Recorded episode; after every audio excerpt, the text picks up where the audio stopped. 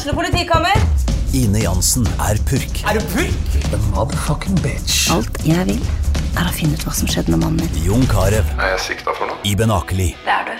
Ole So, Lars Berrum og Big Daddy Karsten. Hvem sin side er du på, egentlig? Anette Hoff, Tone Danielsen, Kommer du fra Afrika? Jørnis Josef, Nesten. Kløfta. Trond Espen Seim, Det er synd å si det, men det var feil mann som døde. Purk. Premiere tirsdag på TV2 Play.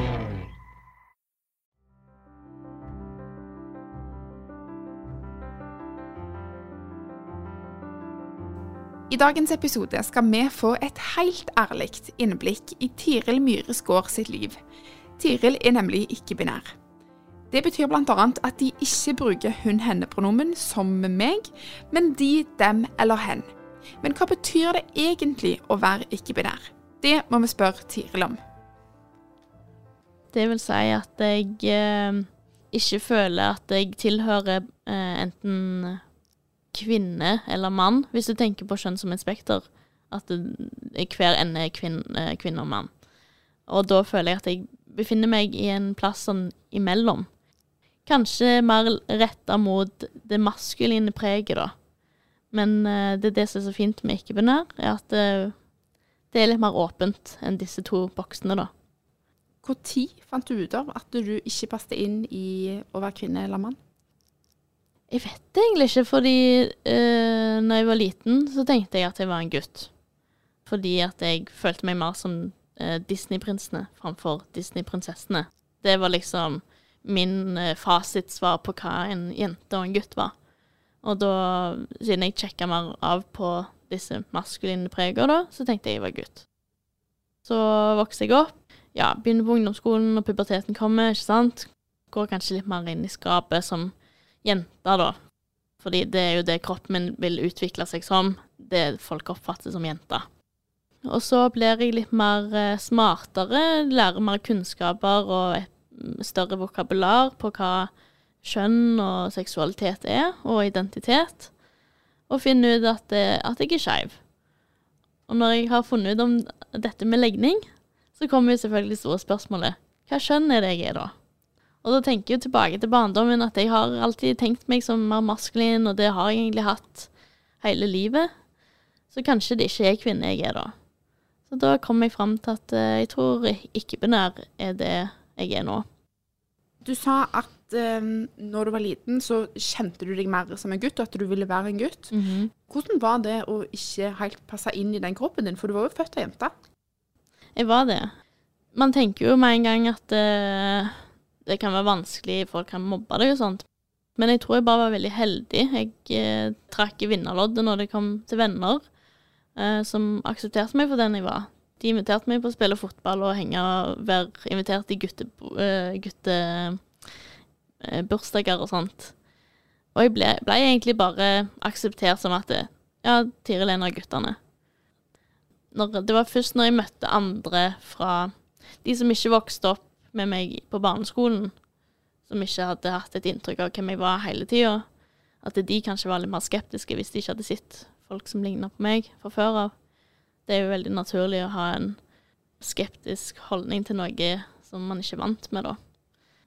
Det er kanskje når jeg begynte mer på ungdomsskolen at eh, jeg følte mer behov for å trekke meg inn i et skap.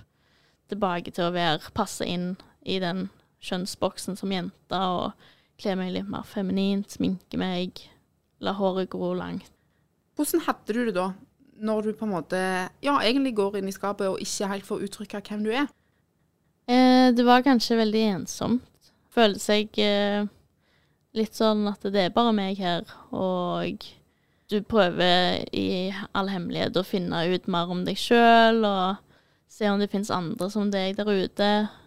Det er ikke like lett sånn som det, var, sånn som det er nå, å finne andre som deg på internett. Men man prøvde da å finne ja, representasjon ute der i, på sosiale medier, kanskje på film.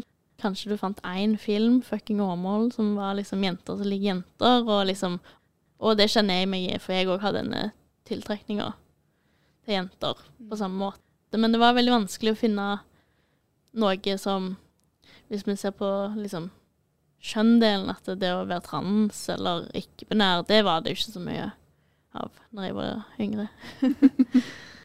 Men eh, forstår jeg det rett da i at du var ganske voksen når du fant ut av at du passet best inn i å være ikke-binær? Ja, absolutt. Eh, Jeg tror ikke sjøl at jeg på en måte visste helt omfanget av det begrepet før jeg var i 20-åra.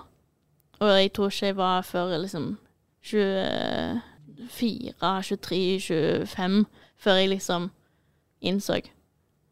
Så det, det var en prosess, og det er jo kanskje fordi at jeg ikke på en måte har lært det før da. Var det òg uproblematisk hjemme? Ja, altså eh, Når jeg på en måte var meg sjøl da jeg var liten, så aksepterte foreldrene mine det. Eh, jeg hadde en mor som var veldig på å la meg være meg. Så det var ikke noe problem på hjemmefronten. Og jeg fikk på en måte lov til å ha en uh, MacGyver-sveis framfor å ha langt og fletta hår og måtte gå i kjole. Mora mi mekka en uh, prinsekostyme når jeg ble invitert på prinsesseselskap. Og det er nok ikke alle som får. Det er sikkert flere som heller blir tvunget inn i en kjole til, til å dra i et familieselskap. Og det, det ble ikke jeg, da. Det syns jeg var litt rørende. Hva, hva har det betydd å bli bare så akseptert? Det har uh, betydd mye for meg, og sikkert uh, Når jeg ser tilbake på min barndom, så ser jeg en veldig selvsikker person. Og det er fordi at uh, jeg har hatt trygge rammer til å være bare meg. Så jeg tror ikke jeg hadde vært like selvsikker og hatt det like bra når jeg ser tilbake i barndommen, om jeg ikke hadde hatt disse trygge rammene, da. Til å være meg og kunne få lov til å utforske hvem jeg er.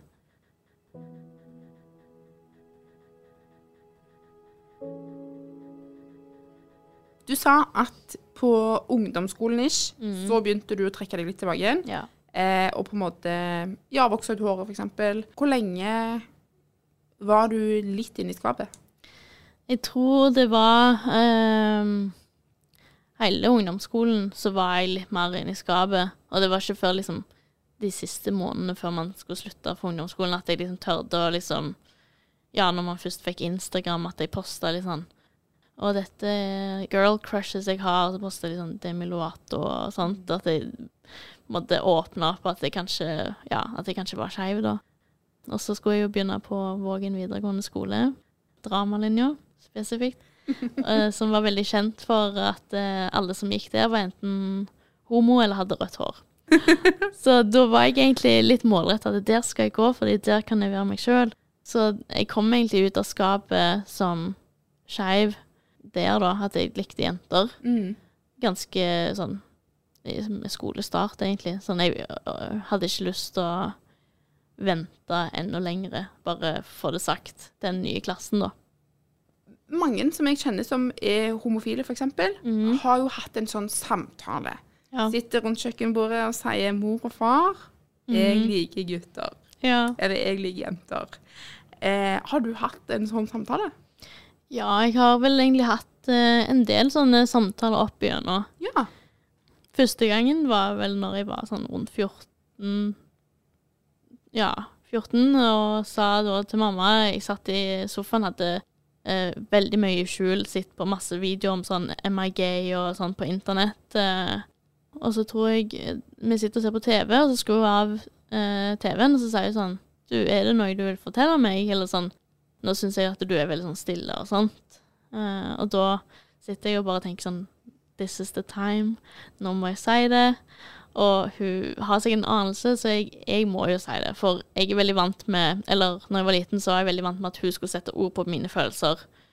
Eh, Sånn, du vet når du drar hos legen og du bare ser på mora di, Ja. at hun skal fortelle deg at du er syk og alt sånt som det. Men det lot hun meg ikke gjøre denne gangen.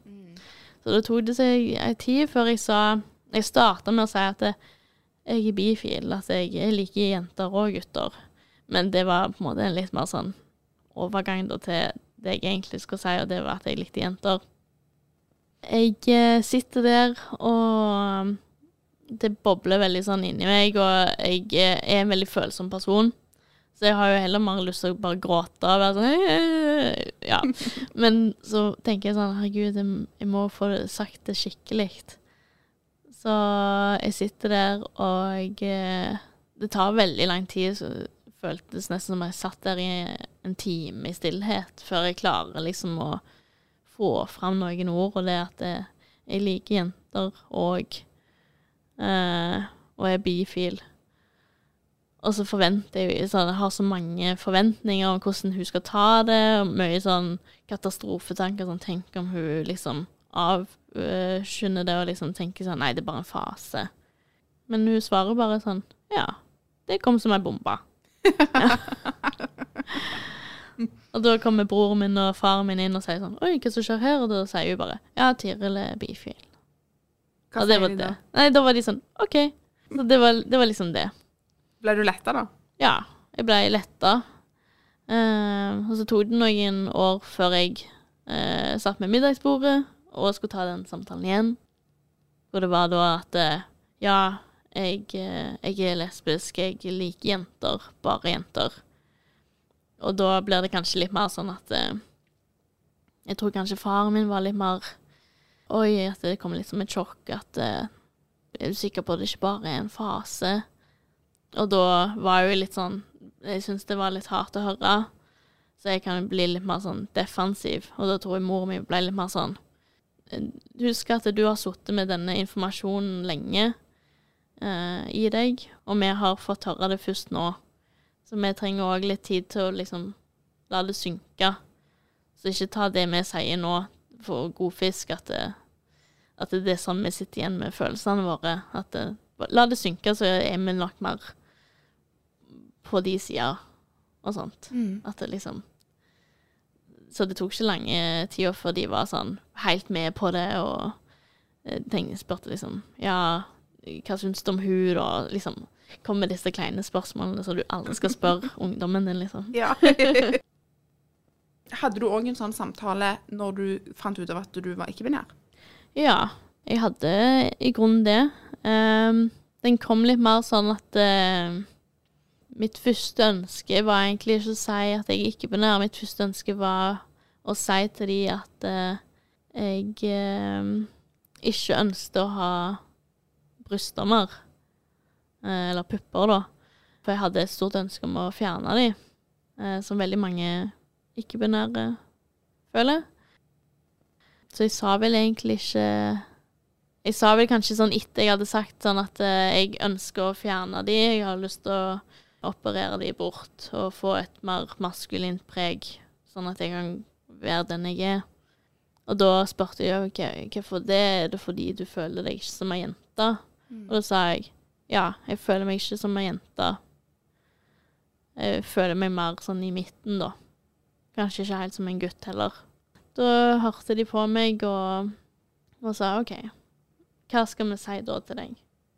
Og da var jeg liksom sånn Jeg vet ikke helt ennå på hva slags pronomen jeg vil bruke. Jeg, jeg må finne det ut først.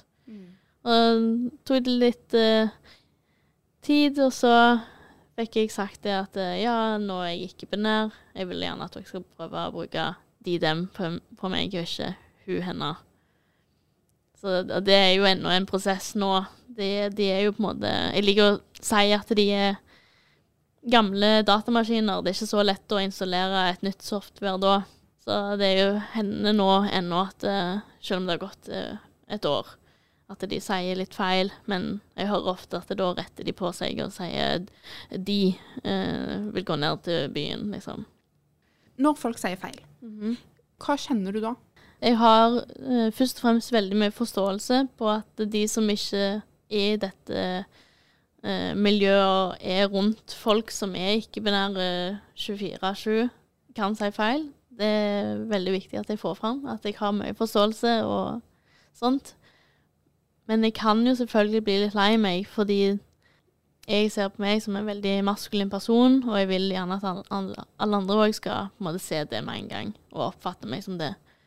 Så når jeg hører at de sier 'hun', så tenker jeg sånn med en gang at faen, jeg ser ikke maskulin nok. Jeg, da kan kanskje denne kjønnsdysforien komme over, som veldig mange transpersoner kjenner på. da. At de ikke passerer godt nok, eller ja, blir oppfattet som det de skulle ønske. da. Så jeg kan jo kanskje fort eh, klandre meg sjøl at jeg ikke gjør en god nok jobb jobb med å være trans. Men så er det jo kanskje bare at det sitter igjen en, en, en liten error i dette uh, datamaskineriet deres, da. Du heter jo Tiril. Mm -hmm. eh, feminint navn. Mm. Har du tenkt Er det rart at jeg spør om du vil beholde det?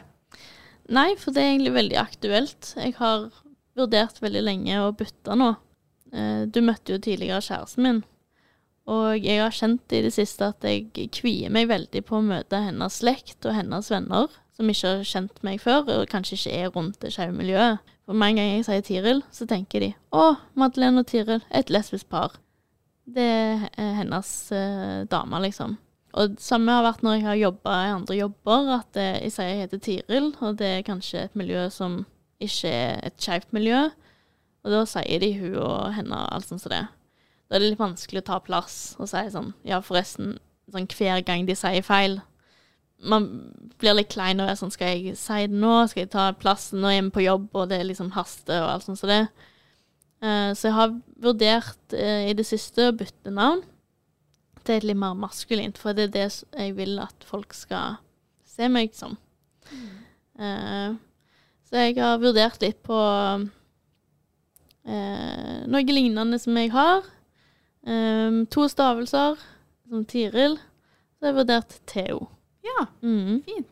Så, så, har jeg òg vurdert å ta litt mer sånn ikke-binære, kjønnsnøytrale navn, som kanskje er litt mer sånn Du assosierer ikke feminint eller maskulint. Mm.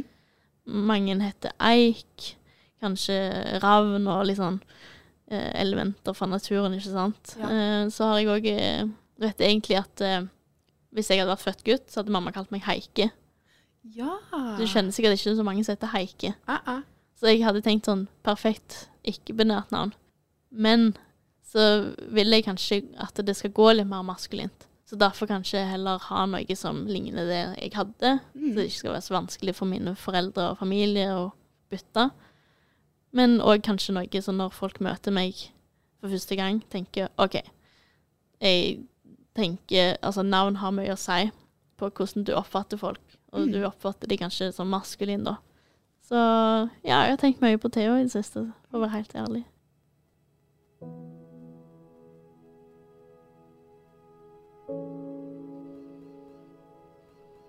Du nevnte jo tidligere at eh, du har tatt og fjerna puppene. Mm -hmm.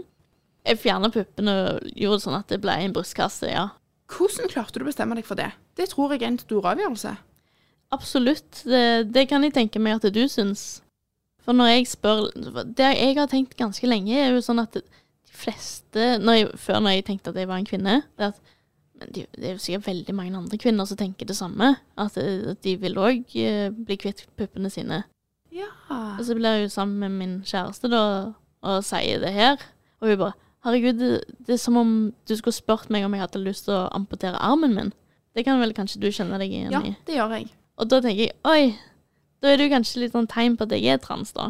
Jeg har ikke lyst på disse brystene. Disse har på en måte vært et hinder eh, på kroppen min siden jeg fikk de, egentlig. Og da tenkte jeg veldig nøye gjennom det. At eh, når jeg først fant ut at eh, Nei, disse vil jeg ikke ha. Det var kanskje sånn Da befant jeg meg i en sånn mørk periode av livet mitt at eh, jeg har mye dysfori, og det her er uoppnåelig. Jeg er jo ikke jeg er jo ikke trans nok til å gjøre det hos Riksen, for der er det veldig binært. Mm. Du skal enten være en dame eller mann der. Og så er det lang ventetid. De har så mye pågang og ja. Jeg har hørt masse historier om dette her, at dette kommer til å ta år og dag før det kan skje. Og jeg har jo bare ett liv på denne jorda, og jeg vil gjerne leve det eh, lengst mulig som meg sjøl. Så da tenkte jeg at eh, når jeg først så at andre ikke-binære, andre liksom maskuline transpersoner gjorde dette her privat, tenker jeg det burde jeg òg gjort. Det, jeg bør ta sjansen på det der. Men det er jo som sagt privat, og alt som er privat, det koster mye mer penger enn det statlige.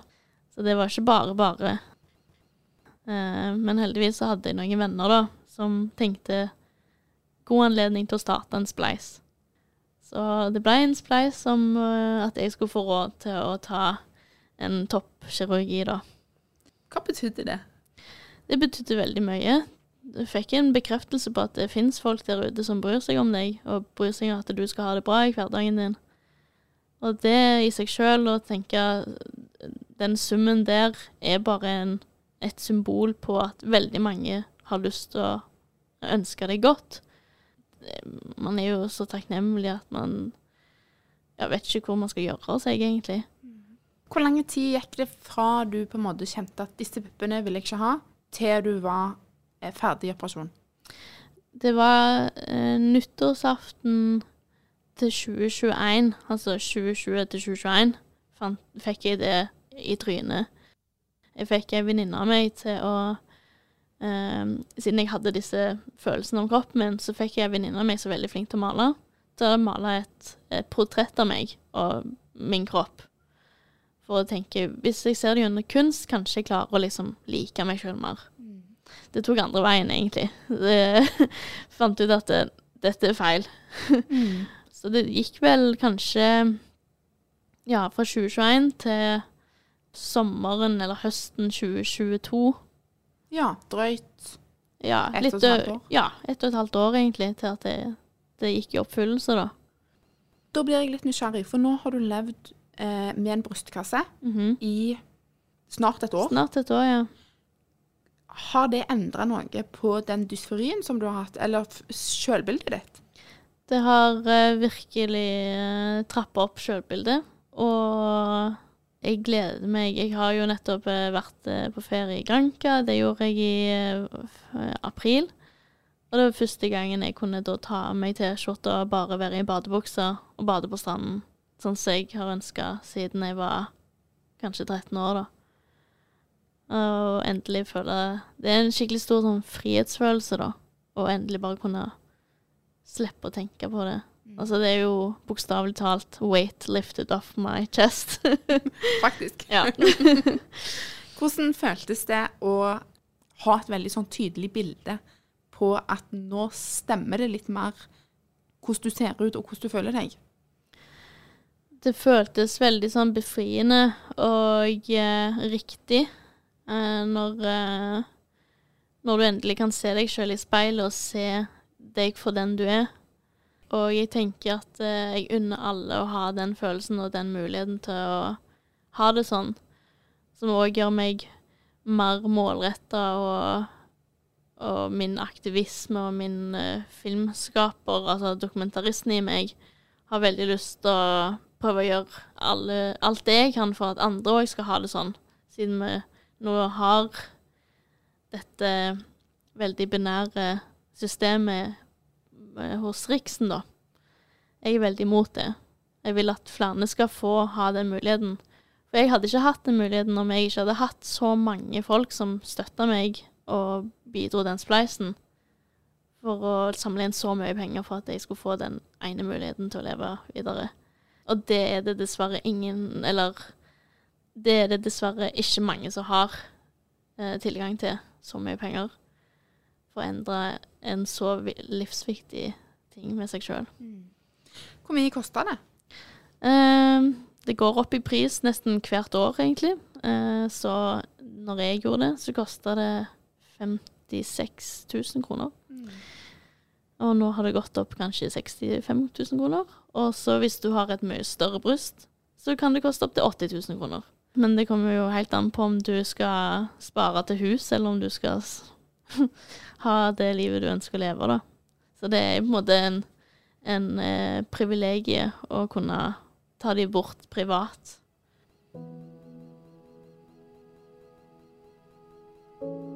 Jeg eh, vil snakke litt om eh, det som skjedde i fjor sommer på Pride. Da var det et terrorangrep på London pub. Em, kan du egentlig fortelle meg litt eh, om din opplevelse med det? Eh, det var jo eh, den første priden på veldig lenge etter korona, etter eh, isolasjon og uten tilgang til fellesskapet sitt, som i en sånn minoritetsgruppe er så viktig. Og alle var glade og feira endelig en korona-free pride, og vi kunne samles og være med hverandre igjen. Jeg husker at jeg var ute på byen ikke på London, heldigvis. Og så plutselig, når jeg er på vei hjem, da, litt full av ja, litt forskjellig, eh, kan du si. Eh, bare har en telefon som vibrerer og vibrerer og vibrerer, og jeg skjønner ingenting. Folk ringer meg og sender meg meldinger om jeg har det bra, om jeg, om jeg er trygg. Og jeg skjønner ingenting. Jeg skjønner ikke hva, Hvorfor spør de om dette her? Og så er det ei venninne av meg som ringer meg og spør sånn Er du trygg? Og så sier ja, selvfølgelig det. Hva skjer? Mm. Og det er sånn Nei, det har vært en skyting på London i kveld. Og det er mest sannsynlig retta mot homofile og skeive. Uh, og det, da kjente jeg jo liksom bare den uh, At det gikk som is ned ryggen min, da. Og kunne på en måte Jeg var i sjokk. Jeg kunne egentlig ikke begripe det for neste morgen. Uh, og så våkner man, og så er det liksom Føles jo nesten ut som Det eneste måten jeg kan sammenligne det på for andre, er jo når det var uh, Utøya og sånt. Hvordan det føltes dagen etter det. Uh, jeg husker at jeg liksom Jeg hadde jo et stort pride-flagg på balkongen min, som jeg da hang på halvt for å sørge. Jeg kommer hjem, og min eh, romkamerat, som er konduktør, kom hjem og bare gråt i armene mine, for hun var så redd for meg, da. For hun òg hadde jo fått masse meldinger. Er Tiril trygg? Så det var en veldig tung tid, da. Og eh, det, man sørger, sørger, og man sørger over sin egen sikkerhet. Man sørger over at dette skjer i Norge. Eh, og man er rasende, rett og slett.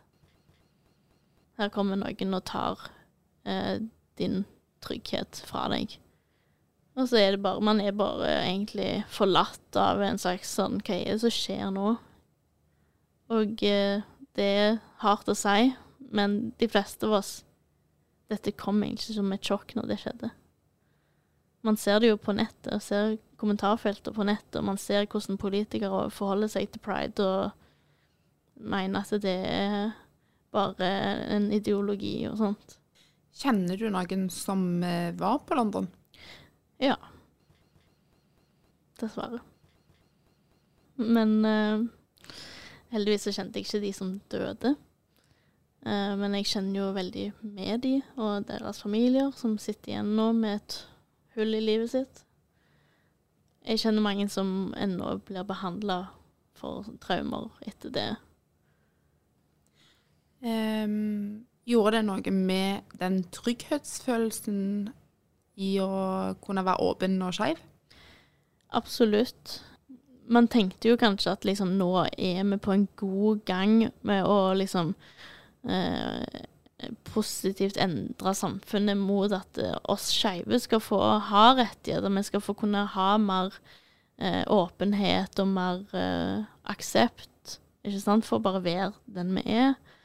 Men så har det på en måte bare vært en sånn nedovergang rundt dette i kommentarfelt på nett og sånt. Og, og, da, og så har vi vært i en, en lockdown som har gjort at veldig mange har vært, eh, kunnet være åpne med hvem de er, og finne ut hvem, hvem de er seg sjøl som veldig mange skeive har satt pris på, men det er sikkert òg veldig mange som har befunnet seg i sånne ekkokammer eh, hvor de kan dyrke sine holdninger og, og sitater. Mm. Så det er jo på en måte egentlig ikke så overraskende at det skjedde likevel. Men det er jo utrolig Ja. En, en tragedie.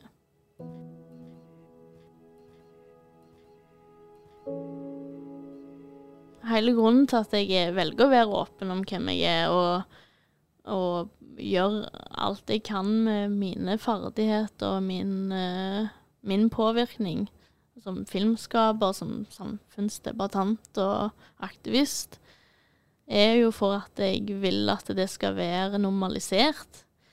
Av og til så tenker jeg, eller sammenligner jeg litt sånn som det med at når jeg eh, var på barneskolen, så var det veldig mange som aksepterte meg fordi de vokste opp. De så en som meg. Men med en gang jeg trådte ut av den barneskolen inn til noen andre, og det var en unge fra en annen barneskole som ser meg, som ikke hadde noen som meg, så ser de meg med en veldig sånn skeptisk eh, holdning og liksom Det som er uvant, det er skummelt, og det skal man trykke vekk og ja, ikke godta, da. Og jeg tenker at hvis flere barn eh, nå får se folk som meg, får se folk som deltar på pride, og eh, får høre om folk som bruker andre pronomen, andre legninger og alt sånt som det, så lager vi en positiv endring i samfunnet. At folk som vokser opp sånn som den terroristen, ikke skal gjøre sine handlinger, fordi da hadde de i hvert fall noen å forholde seg til og se at Men dette er jo ikke farlig, dette er jo ikke feil. Så jeg syns jo det er absolutt livsviktig å ha representasjon, da. Og det håper jeg at jeg kan bli med og bidra på.